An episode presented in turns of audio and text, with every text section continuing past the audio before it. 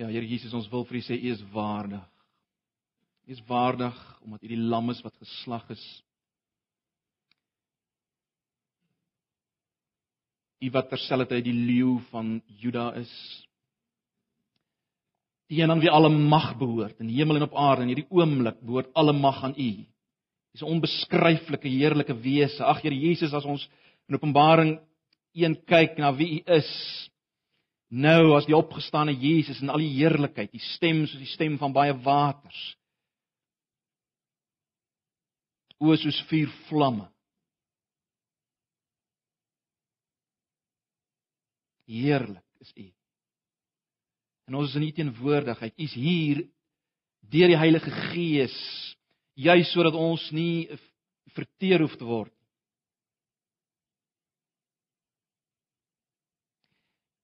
Ja Here, ons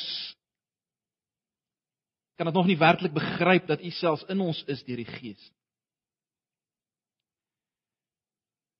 U die verteerende vuur God.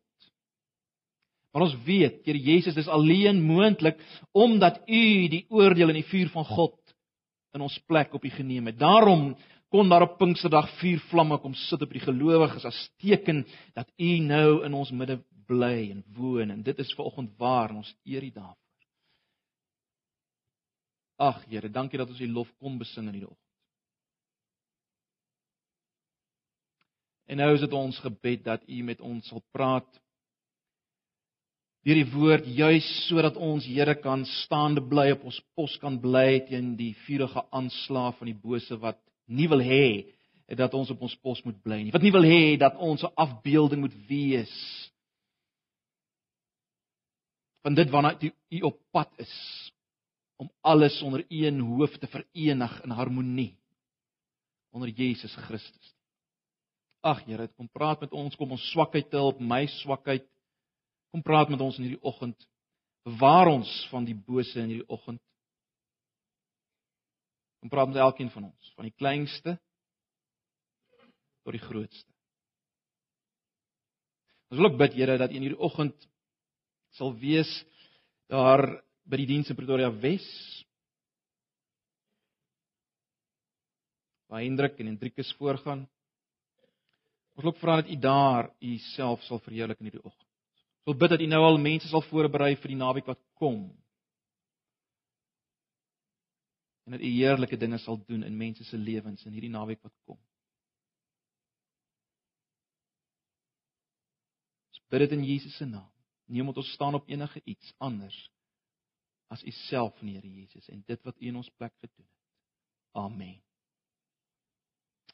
Broers en susters, kom ons bly weer na Efesiërs toe. Dis nou die laaste oggend wat ons gaan besig wees met Efesiërs. Ons is by Efesiërs 6. Efesiërs 6, ek gaan lees weer vanaf vers 10 tot 20. Ehm um, lees die 83 vertaling. Eh, ek sal wel 'n opmerking maak oor oor een gedeelte wat ek dink uh, die vertalers wel bietjie die, uh, die die punt gemis het. Maar kom ons lees maar omdat die meeste van ons die 83 het. Kom ons lees die 83. Verder nog dit soek julle krag in die Here en in sy groot mag. Trek die volle wapenrusting aan wat God julle gee sodat julle op julle pos kan bly. Die ou vertaling sê 53 sê staan ek kan bly ondanks die listige aanslag van die duiwel. Ons stryd is nie teen vlees en bloed nie, maar teen die bose magte van hierdie sondige wêreld, teen die bose geeste in die lig. Trek daarom die wapenrusting aan wat God julle gee. Jy weet julleself uitdink nie sodat julle weerstand kan bied in die dag van onheil en nadat julle die stryd tot die einde toe gevoer het nog op julle pos kan bly staan. Bly dan op julle pos groot ding, né? Nee, bly staan. Toegerus met die waarheid as gordel om julle heupe, die vryspraak deur God as borsharnas. Nou die letterlike woord daar is maar net die geregtigheid met geregtigheid as borsharnas en ek sal net nou opmerkings daaroor maak. En die bereidheid om die evangelie van vrede te verkondig as skoene aan die voete. Daarby moet julle altyd geloof as skild in die hand hê want daarmee sal julle al die brandpyle van die bose kan afweer. Sit verlossing as helm op en vat die swaard van die Gees. Dit is die woord van God. Doen dit alles bidtend en smeek God by elke geleentheid deur die Gees. Bid in die Gees, sê die 53 vertaling. As die Here wil, sal ons volgende Sondag 'n bietjie bietjie kyk na daardie hele begrip vanuit verskillende gedeeltes. Maar goed. Wees waaksaam en bid gedurig vir al die gelowiges. Bid ook vir my dat wanneer ek preek, God vir my woorde gee dat ek die geheimenis van die evangelie met vrymoedigheid kan bekend maak. Terwyl van hierdie evangelie is ek gesand in boeye, bid dat ek dit met vrymoedigheid kan verkondig soos dit my opgelê is. Ons lees net so ver. Nou broers en susters, ons het verlede Sondag vir mekaar gesê dat ek en jy gewone gelowiges, ek lê klem daarop, ek en jy gewone gelowiges is 24 ure 'n dag, weksdae, vakansiedae, Sondae in die openbaar en in die privaat is ek en jy as gewone gelowiges gewikkel in 'n stryd teen die Satan en sy trawante. As jy nog dink ver oggend die die die Christelike lewe is 'n soort van 'n vakansieoord waar ek ronddryf op 'n ligmatras en luister na gospelmusiek. Dan is jy waarskynlik alreeds nie meer op jou pos. Of jy het nog nooit die stryd begin nie. Jy so genaamd nie in die stryd. Want broers en susters, ons is gewikkel in 'n bloedige stryd teen die Satan en sy trawante. Ja, hy's 'n verslaande vyand, ek sal net nou weer 'n opmerking daar aan die einde, maar hy's 'n brullende leeu en hy's dodelik gevaarlik. Maar wat presies behels hierdie geveg? Ek meen, hoe lyk hierdie geveg? Wat kan ons verwag van hierdie geveg? Wat is die aard daarvan en hoe lyk die wapens? Dis die groot vraag, né? Nee. Uh en ek het uh, Viele verlede Sondag probeer sê daar is daar's so baie idees hieroor in die in die in die in die populêre geestelike literatuur rondom hierdie onderwerp. Uh is geweldig verwarrend. En dit lyk baie ingewikkeld. Net dat dit net spesiale ouens is wat hoe genaamd hulle hulle moet begin bemoei hiermee. Wat van my gewone ou? So dit is geweldig verwarrend. Nou sekerlik is Efesiërs 6 uh, vers 10 tot 20 is die plek om om te soek vir antwoorde, né? Oor wat hierdie geveg behels wat die wapens is, wat die aard is. Maar ongelukkig, uh, ons het dit vir mekaar gesê ook verlede Sondag, is daar juis ook reuse misverstande oor hierdie gedeelte. En al die populêre idees rondom geestelike oorlogvoering soos dit genoem word wat ronddryf, word hier ingelees. Uh en die groot probleem is dat uh Efesiërs 6 vers 10 tot 20 word gesien as iets totaal los van die res van Efesiërs 'n uh, 'n uh, 'n uh, handleidingkie, kort handleidingkie vir vir die deskundiges. Dis hoe dit dikwels bewuslik of onbewuslik gesien word. So ons het mekaar gesê en ek ek wil nie weer alles daaroor sê nie. Julle moet maar uh, uh, die serie luister as julle nie hier was nie. Ons het mekaar gesê uh, die eerste manier hoe ek uh, verseker dat ek die aard van hierdie geveg reg verstaan, dan oor hoe lyk hierdie geveg, is die aard daarvan. Die eerste manier hoe ek dit reg verstaan is om te verstaan dat Efesiërs 6 vers 10 tot 20 logies aansluit by die res van Efesiërs. Ek gaan dit nou weer uitwys nie, maar dis baie belangrik broers en susters, eh, uiters belangrik. Want jy sien as ons dit verstaan dat dit logies aansluit by die res van Efesiërs, dan verstaan ons dat die aard van ons geveg, luister mooi, is moreel van aard. Nie fisies in die eerste plek nie, ook nie metafisies nie. Dis moreel van aard. En die die duiwel gebruik leuns om ons te mislei, om ons waar te kry, wel om ons weer te kry by Efesiërs 2 vers 1 tot 3. Onthou julle wat ons daar gesien? Uh, die natuurlike mens voor ons Christene geword het, leef net soos hy wil, waartoe sy liste hom lei. Maar hy dink hy's vry en hy doen net wat hy wil waartoe sy lus hom lei, maar eintlik uh, uh, uh, word hy gelei deur die vors van die bose magte wat weer werk deur die wêreld, né? Nee. So, wat is die oogmerk van die duiwel? En wat is daarom die aard van die stryd van Efesiërs 6? Wel, die duiwel wil ons weer terugbeweeg swyn toe deur leuns.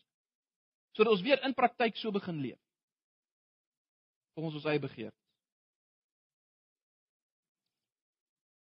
En hy gebruik natuurlik ook die misleiding van mense. Is interessant. In Hoofstuk 4 vers 26 en 27 verwys Paulus na die lustige dwaling en hy gebruik presies dieselfde term weer hier in Efesiërs 6 om eintlik te sê luister julle moet verstaan agter die lustige planne en misleidings van mense op allerlei maniere na julle kom sit eintlik die Satan. Sit eintlik die Satan so broers en susters in kort het ons mekaar gesê die duiwel gaan nie op jou spring as jy deur 'n donker hoë loop waar ouens met swart klere en satanistiese tekens rondhang nie. Want weet jy wat? Hy weet die meeste van ons gaan nooit in sulke plekke kom nie. So dis nie die groot gevaar nie. Die gevaar is ook nie dat jy 'n binding gaan kry op jou sonder dat jy dit weet as daar 'n Afrika masker iewers in jou huis hang nie. Of as jy oupa grootjie glasie glasie gespeel het. Dis nie die groot gevaar nie broers en susters. Ek wil nie my nou heeltemal uitlaat oor daai dinge nie, maar maar dis nie die groot gevaar nie. Jy sien, die duiwel wil graag hê ons moet dink dis die groot gevaar want dan is die meeste van ons veilig. Dis nie die groot gevaar nie. Dis nie die stryd van ons elkeen elke dag nie. Die stryd wat hier beskryf word as 'n stryd teen die owerhede, die magte en die bose geeste. Want onthou 'n bietjie, dieselfde Paulus wat hier skryf, uh, het op 'n keer gesê dat die duiwel doen homself voor as 'n engel van die lig. Hoor ons dit? Hy doen homself voor as 'n engel van die lig. Nee, nee, nee, hy's nie in die donker hole met die swart klere nie, hy's 'n engel van die lig. Hy kan hier staan.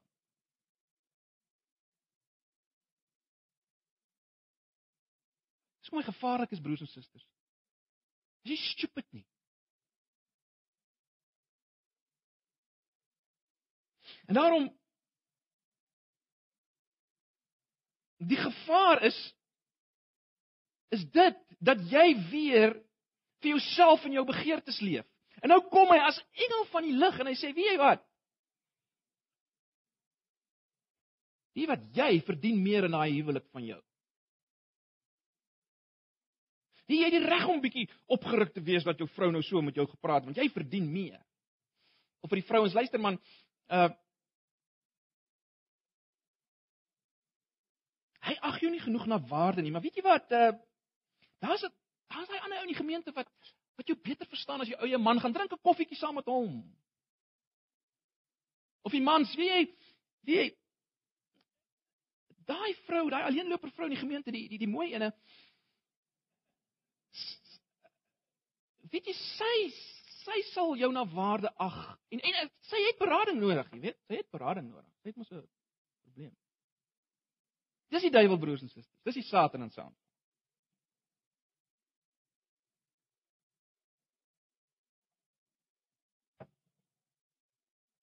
Die gevaar is ook nie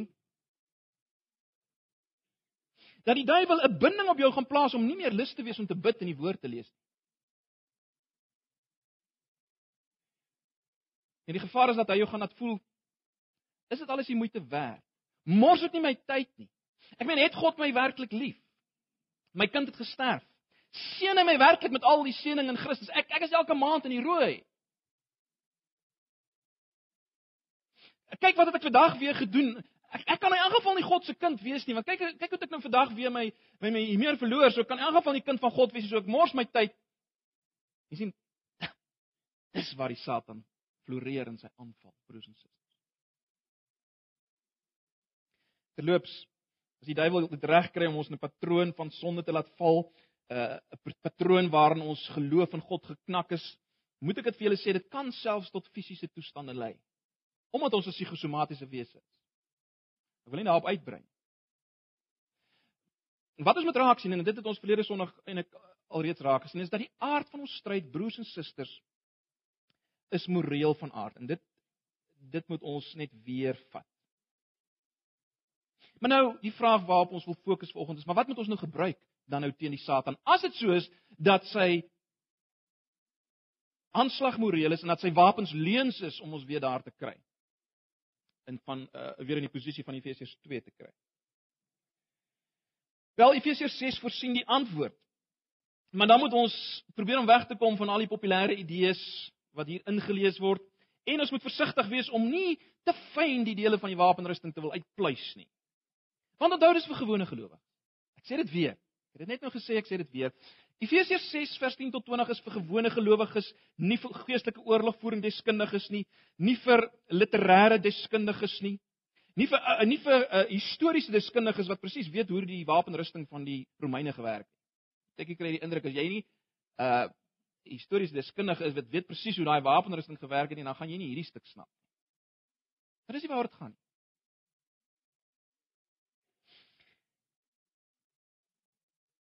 Paulus gee ook nie hier vir ons triks in hierdie verse nie, jy weet.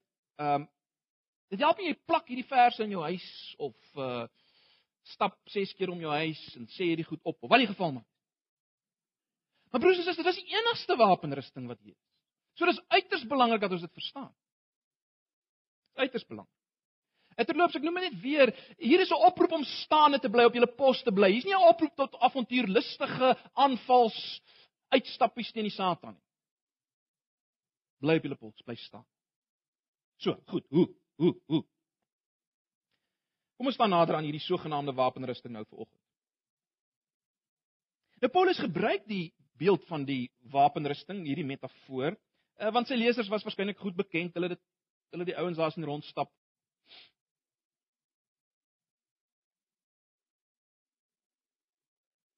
Maar weer eens, hy wil nie vir hulle lesse gee oor hoe, hoe presies lyk 'n Romeinse wapenrusting nie. Uh baie belangrik. Maar nou vra hy vir my, goed Jakobus, uh, Maar hoe kan ons nou seker maak dat ons nie te veel inlees in wat Paulus sê en ook nie te min nie? Weereens, onthou die brief vorm 'n eenheid. Die brief vorm 'n eenheid. En as mens mooi lees, broers en susters, en julle moet dit nou maar weer gaan doen, ons het nie tyd om om die hele brief weer deur te gaan nie.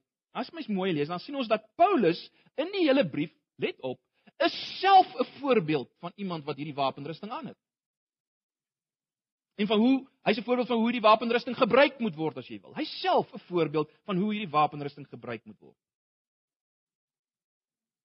Paulus gee met ander woorde as te ware 'n demonstrasie van geestelike oorlogvoering in die hele brief. Jy sien die vraag is hoe Paulus staande gebly. Hy het 'n paar tegnieke gebruik wat hy nie vir ons van sê nie. Nee. Jy sien Paulus se heupe is omgord met die waarheid van die evangelie. Wat behels dit? Wel, hy glo hierdie waarheidsboodskap en hy bevestig dit met ander hy leer dit vir ander. Paulus se heup is omgord met die waarheid. Paulus het die borswapen van geregtigheid aan. Hy gehoorsaam God, hy doen geregtigheid. Ek lê klem daarop want broers en susters in Efesiërs is die klem op die doen van reg geregtigheid as uitvloeisel van regverdigmaking deur geloof. Die klem is nie op regverdigmaking deur geloof soseer in Efesiërs nie. Moenie Galasiërs en Romeine hier inlees nie, hoor. Ek sal net nou weer 'n opmerking daaroor maak, maar net vir nou Paulus het geregtigheid aan, die borswapen van geregtigheid, die doen van geregtigheid as uitvloeisel van sy geloof en uh hy leer Hy leer sy lesers ook om dit te hê. Dis waaroor Efesiërs gaan. Efesiërs 4, 5, 6. En daarom dink ek terloops ek het 'n opmerking gemaak. Ek dink die nuwe in die nuwe uh, vertaling se vertalers het gefouteer toe hulle geregtigheid daar met vryspraak vertaal het. Ek dink dit is foutief hier. Maar ek sal net weer 'n opmerking daaroor maak. Maar goed, Paulus lewe deur geloof in die krag van God. As jy wil, hy die skuld aan. Dit is interessant, hy bid byvoorbeeld in 1 vers 19 dat die gelowige sal besef hoe geweldig die krag is vir die wat glo. Hy self het geloof as skuld aan. In ander woorde, hy kyk nie na die sigbare feite nie, hy staan op God se beloftes in Jesus. En die duiwel sidder. Paulus self het die helm van verlossing aan. Met ander woorde, hy verheug hom, hy hy hy's baie bly oor die vastigheid van die verlossing wat Jesus bewerk. Dink maar net aan hoofstuk 1 vanaf vers 3. Hy hy verbly hom. Hy sê geseënd is God wat ons geseën het met al die seënings in Christus Jesus. Hy verbly hom. Hy het die helm van verlossing op. En hy bring natuurlik die evangelie van vrede. Dis sy skoene. Ek gaan lees weer hoofstuk 3, Efesiërs 3, dan sien ons baie duidelik. Dis waarmee hy besig is. Dis sy hele lewe. om hierdie geheimenisse bekend te maak aan die aan die heidene nasies, en die ouens wat dit nog nie gehoor het. Nodeloos om te sê hy gebruik die swaard van die Gees, die woord van God. Hy lê dit uit. Hy bid vir ander om te groei in die kennis van Christus en in sy krag. Onthou julle daai twee geweldige gebede aan die begin van Efesiërs. Ons sien dit prakties daar. Hy doen dit bidend. sien dit in Efesiërs. En daarom broers en susters, as ons dit in gedagte hou, dan kan ons weet dat dat die brief as geheel illustreer vir ons wat dit beteken om die wapenrusting van die Here aan te hê om staande te bly teen die liste van die duiwel, soos Paulus, né? Nee. En daarom kan ons sê, luister mooi, ons kan sê hierdie laaste gedeelte in Efesiërs 6 vanaf vers 10 en verder is eintlik net 'n samevatting van die hele brief in die vorm van 'n mooi metafoor. Efesiërs 6 vers 10 en verder is eintlik net 'n samevatting van die hele brief in die vorm van 'n baie mooi metafoor, die metafoor van wapenrusting. Maar daar's nog iets. Ek het uh, verlede Sondag net daarna verwys. Iets wat ons nie moet vergeet nie, is die Ou Testamentiese agtergrond van hierdie wapenrusting, as ons dit werklik wil verstaan. Geweldig. Paulus broers en susters is 'n oud Fariseer, Jood. Hy werk met die Ou Testament as agtergrond. Moenie dit vergeet nie. En uh, as mens begin dit raak sien, is dit geweldig. Paulus se beskrywing en Paulus se terminologie vir die wapenrusting is ontsettend beïnvloed deur die boek Jesaja. Ek moet baie ek moet net miskien bysê, dit is baie jammer in die, in die 83 vertaling gaan baie van daai wapenrusting beelde in Jesaja ver, verlore as die ouens dit nou omskryf, dan haal hulle dit uit. En dis jammer want as mens dit nie meer so raak nie. Maar die groot saak wat duidelik word in die Ou Testament, as mens daar gaan kyk, dan sien mens die wapenrusting van God is die wapenrusting wat God self dra. Die wapenrusting van God waarvan Paulus praat, as hy sê trek aan die wapenrusting van God, die agtergrond van dit wat hy sê kom uit Jesaja uit. Jy sien die die wapenrusting vergestalt as te ware God se se modus operandi, God se manier van werk soos gesien in die lewe van Jesus.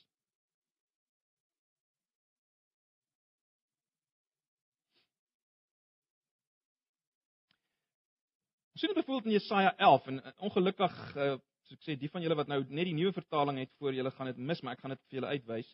Jesaja 11. En nou Jesaja weet julle is vol verwysings na die Messias wat kom, veral in die laaste hoofstukke vanaf vers 40 die sogenaamde knegg en so meer. Maar hier in Jesaja 11, julle ken dit, ons lees dit altyd by Kerstye, is is waar ook vooruitgekyk na die Messias.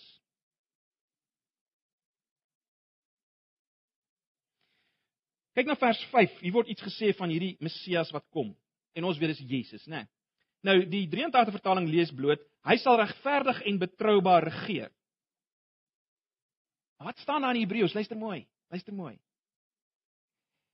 En geregtigheid sal die gordel van sy lendene en trou die gordel van sy heupe wees.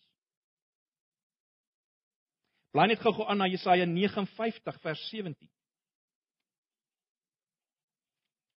Jesaja 59 vers 17. Hier kan julle maar die nuwe vertaling lees. Hier hier is die beeld behou. Hier kan julle maar as jy 'n 83 het, kan jy maar lees hier. Dis nog steeds word gepraat met die knegg Jesus. Hy trek geregtigheid aan soos 'n panser. sien julle dit? Hy trek geregtigheid aan soos 'n panser. En ek kan net aanlees, ek gaan net nou daarna verwys en redding is die helm op sy kop. En redding is die helm op sy kop. Nou die van julle wat fyn opgelet sal sê ja, maar wag Jakobus, daar praat dan nou uh in Jesaja 11 vers 5 staan dan nou die gordel van geregtigheid en Paulus praat van die borswapen. Ah, maar julle sien, dis jy's die punt. Dis uitruilbare terme. Ons moet te vreeslik karring daarmee in die broers en susters. Julle sal sien in Jesaja 11 vers 5 is dit is die geregtigheid gordel en Jesaja 59 vers 7 is dit is dit 'n panser as jy wilde borsharnas. Jy sien, dis nie waar ons moet karring nie. Die punt is dat Jesus self, die Messias wat sou kom, sit geregtigheid aan, as jy wil, as gordel of as harnas, maak nie saak nie, in sy stryd om sy mense te bevry. Dis hoekom die Satan nie 'n plek aan hom, vat plek aan hom gekry het nie. Hy het geregtigheid gelewe. Hy het gedoen wat die Here wil. sien dit byvoorbeeld in die uh, versoeking in die woestyn Die duiwel kon nie vat plek kry nie want hy was bly gehoorsaam. En is die Here self, Jesus, die wat sou kom wat die boodskap van verlossing uitroep. Jesaja 52. Jesaja 52 vers 7. word gepraat van die een wat gaan kom, Jesus, né, nee, die knegg. Jesaja 52 vers 7. Hoe wonderlik klink op die berge die voetstappe van hom wat die goeie boodskap bring.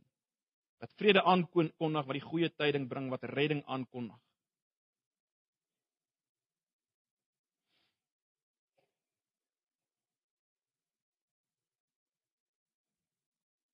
Dis die skoene aan sy voete. Wat die skuld van die geloof betref, is dit nou baie interessant. Ehm um,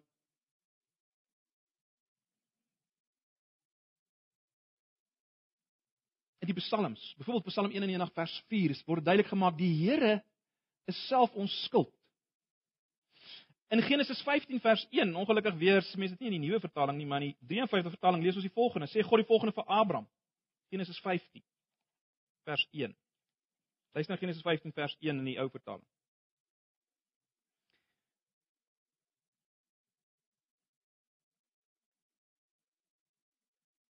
Ek lees maar die hele vers 1 vers Genesis 15 na hierdie dinge het die woord van die Here tot Abraham gekom in 'n gesig en gesê: "Vrees nie Abraham, ek is vir jou 'n skuld. Ek is vir jou 'n skuld." Ons kry dit ook soos ek sê in die Psalms, heel wat in die Psalms, Psalm 91 vers 4 is 'n voorbeeld. En hier kry ons sommer 'n baie belangrike uh stukkie inligting rondom hierdie skuld wat belangrik is vir ons, is dit nie? Jy sien, dis nie ons sterk geloof in sigself wat ons beskerm nie. Dit sou nie 'n baie veilige skild gewees het nie, sou dit, want ons geloof is maar baie keer wankelrig, gaan op en af.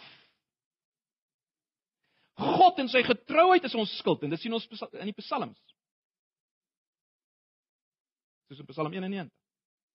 Jesus en sy volmaakte werk is ons skild.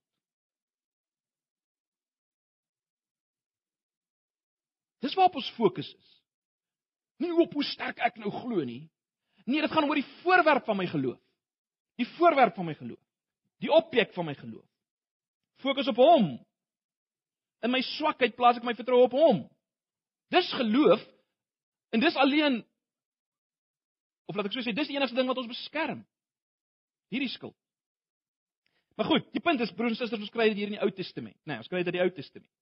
En ek het nou reeds verwys na die tweede gedeelte van Jesaja 59 vers 17 waar die Here self Jesus, die een wat sou kom, geskets word as die een wat die helm van verlossing dra.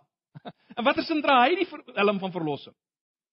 Wel, hy bring sekere en vaste, onaantastbare verlossing. Dis in sy geveg het hy dit gedra. Hy dra die helm van verlossing. Jesaja 59:17b.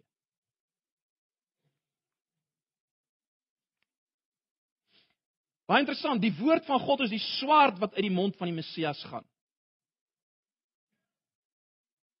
Jesaja 49 vers 2. Jesaja 49 vers 2. Kom ek lees dit vir julle. En hy het my mond gemaak soos 'n skerp swaard. In Openbaring 1 vers 16.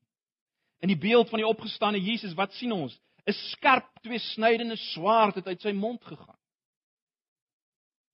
Wat probeer ek sê? Ek probeer sê ons kan sê dat die wapenrusting is eintlik niks anders as 'n beskrywing van Jesus en sy werk nie. Niks anders as 'n beskrywing van Jesus en sy werk nie. In ander woorde om die wapenrusting op te neem is om jouself met Jesus Christus te bekleë, om Jesus Christus te vertrou en Jesus Christus te gehoorsaam. Terloops, wat anders kan ons bewaar teen die Satan. Is ons regtig so arrogant? Dat ons dink dat allerlei ritueeltjies wat ons uitvoer, gaan hom stuit. Dit is belangrik dat ons in die lig van die brief as geheel, in die lig van die Ou Testamentiese agtergrond dit sal begryp. Dit sal begryp en sal vat vir oggend.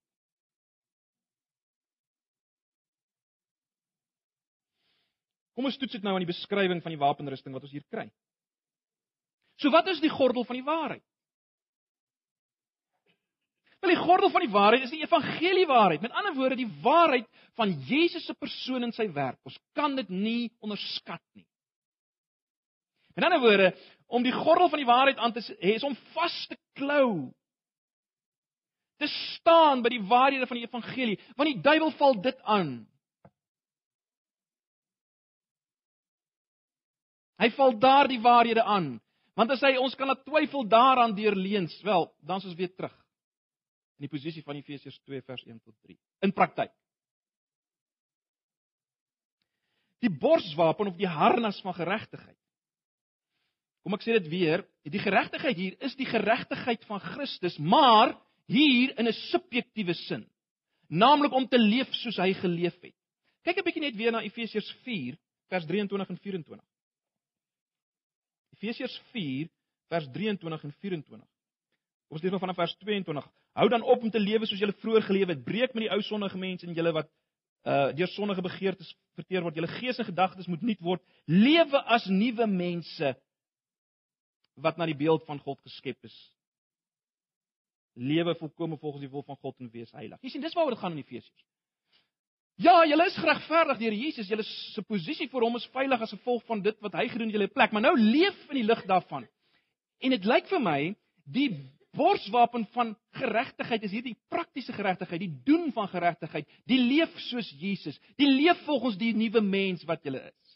Kom ons kyk nou volgende na die skild van die geloof want ek dink nogal baie keer word dit wat ons moet verstaan by die skild van geloof ingelees by die borswapen van geregtigheid. Van die ouer skrywers maak baie daarvan dat die borswapen van geregtigheid is om vas te staan op die feit dat jy vrygespreek is in Christus. In die nuwe vertaling het dit ook so vertaal, né? Nee, dis my borswapen. Maar ek dink dis die skild van geloof. Dis die funksie van die skild van geloof.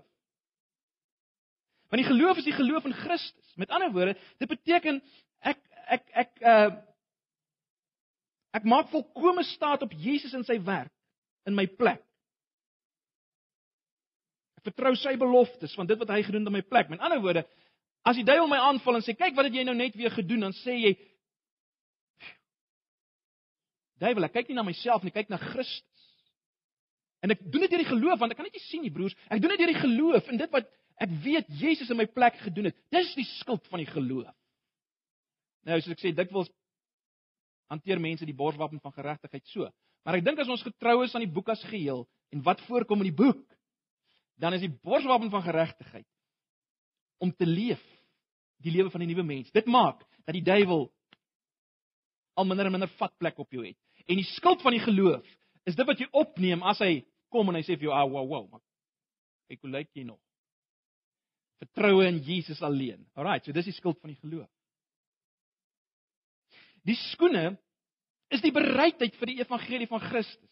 Nou baie ouens het ook nou al hieroor gedebatteer en sê okay, maar eintlik hierdie skoene het sulke stadse aan so stokse en dit gaan eintlik oor net oor die vas staan en nie oor die verkondiging nie wel. Ek dink dit gaan oor beide, né? Nee. Dit gaan daarom om om te staan in die evangelie waarheid, maar dit gaan verseker ook daaroor om dit te verkondig. Die twee elemente gaan saam. En dis die skoene aan die voete. So ek sê die Ou Testamentiese agtergrond bevestig dat dit wel ook die uitdra is van die evangelie, die skoene. Die helm van verlossing? Wel, dis die vaste hoop op die verlossing wat hy bewerk het. Hierdie verlossing wat 'n uitgemaakte saak is, broers en susters. Dis nie iets wat 'n mens bewerk het nie. En daarom kan dit ons bewaar teen daai vuurige pile van die duiwel wat in ons gedagtes wil inskiet. Helm op die verlossing. My verlossing is vas, duiwel.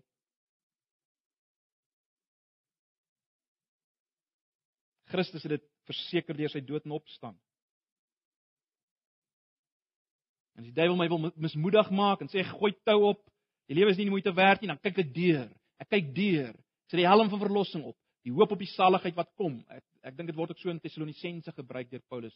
Die helm is die hoop op die saligheid wat kom. En dan die paard, wel. Dis die woord van God waarvan Jesus natuurlik die sentrum is, né? Nee. Dis die woord wat ons lei om gedurig weer ons fokus te plaas op Jesus, ons aandag op wat hy gedoen het. Die woord bring ons in 'n ontmoeting met die lewende Jesus elke keer. En dis wat die Satan vrees. Dis wat die Satan vrees. So broers en susters, kan julle sien, alles fokus op Jesus. Alles fokus op Jesus, nie op ons tegnieke nie. En baie interessant, dis nou waar gebed inkom, né? Nee. sien julle dit? Doen dit alles bidend. Vers 18. Doen dit alles bidend. Kom ek stel dit baie duidelik. Gebed is die aantrek of of die aanwending van die wapenrusting van God. Hoekom? Gebed, broers en susters, is vertroue of dan geloof in Christus prakties geillustreer en geïmplementeer. Gebed is vertroue op Christus prakties geïmplementeer. Daar's geen duideliker manier hoe om jou prakties tot Christus te wend nie as gebed. Dis dis in sigself 'n daad van geloof. Dis tog die manier waarop ons uiting gee aan ons verstaan van die waarheid, uiting gee aan ons geloof, uiting gee aan ons vertroue. Ek sê weer gebed is praktiese gehoorsaamheid. Dis die beoefening van geloof. Dis die beoefening van staat maak op Christus alleen. As ek bid, sê ek per definisie ek maak staat op Christus alleen. So ek doen dit as ek bid. Wat sê ek met ander woorde? Biddelose mense het nie die wapenrusting aan nie al is jy besig met watter triks ook al teen die duiwel. As jy biddeloos is, het jy nie die wapenrusting aan nie. En baie van ons val in daai gat. Dis hoekom ons uitgeskakel is en moedeloos is ensovoorts. Gebrekkige, verwaarlose gebedslewe maak jou weerloos teen die aanslag van die duiwel en sy listige planne. Dis 'n sagte teken as jy nie om dit so te stel kniewerk doen nie.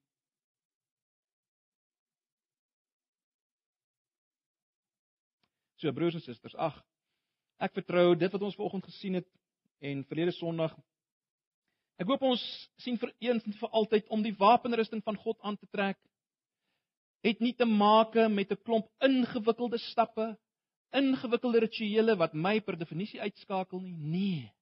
Dis vir ons elkeen as gewone Christene. En ons kan waaragtig seker wees. Ons kan op ons pos bly teenoor die Satan. Dis God se wapenrusting. Hy gee dit. Hy weet wat hy gee. Is die beste. Eenvoudig gestel is die wapenrusting om te leef in Christus. Om die wapenrusting aan te trek om te leef in Christus. Hoe meer jy dit ontdek, sal jy staande bly uh, teen die misleiding van die Satan, teen sy magte. Hoop op hom gehoorsaam sy opdragte. Wees bidend afhanklik van hom. Beoefen voortdurende kontak met Jesus Christus.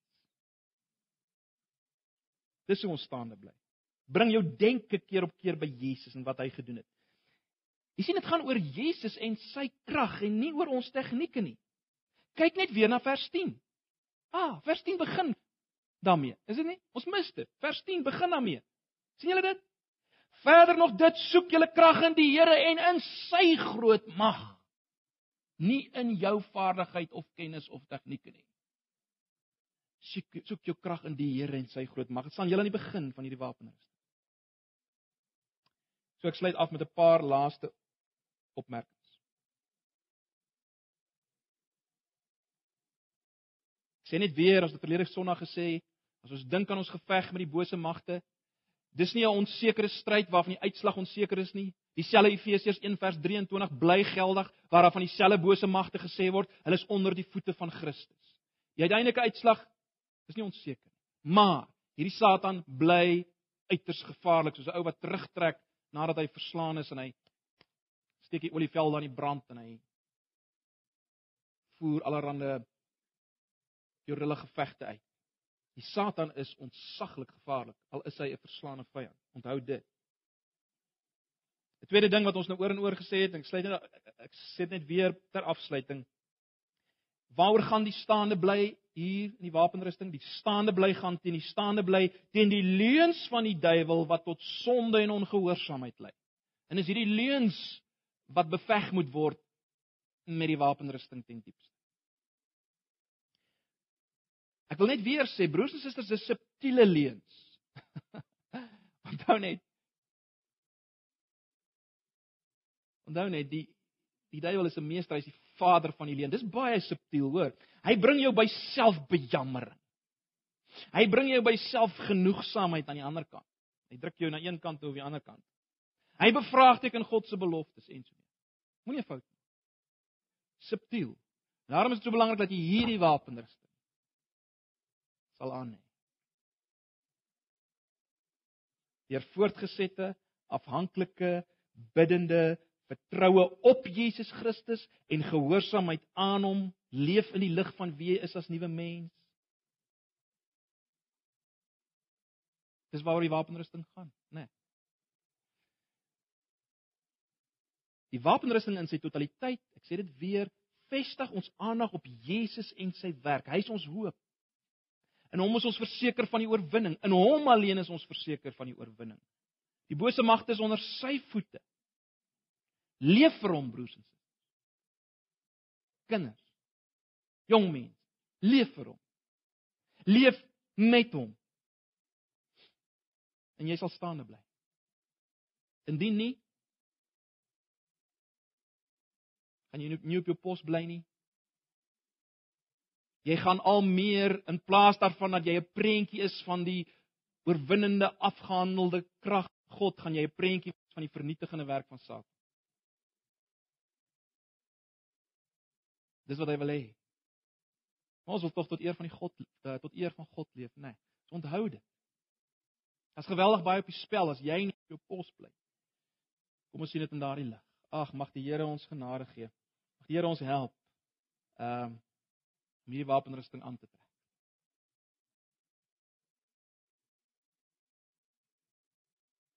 As jy nog nie gelowig is vanoggend nie, wel, dan is Efesiërs 2 vers 1 tot 3 natuurlik nog waar van jou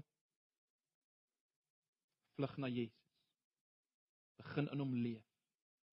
Amen. Kom ons bid saam.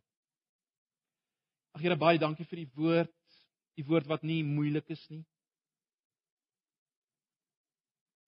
Heerlik is vir ons is as gewone eenvoudige Christene. Ons dankie daarvoor.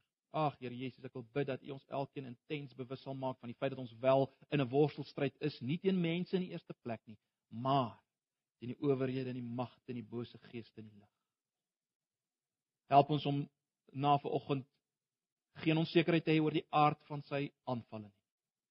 En ook geen onsekerheid te hê oor die enigste manier om staande te bly nie. Help ons daarin, Here. Ons pleit dit in Jesus se naam. Amen.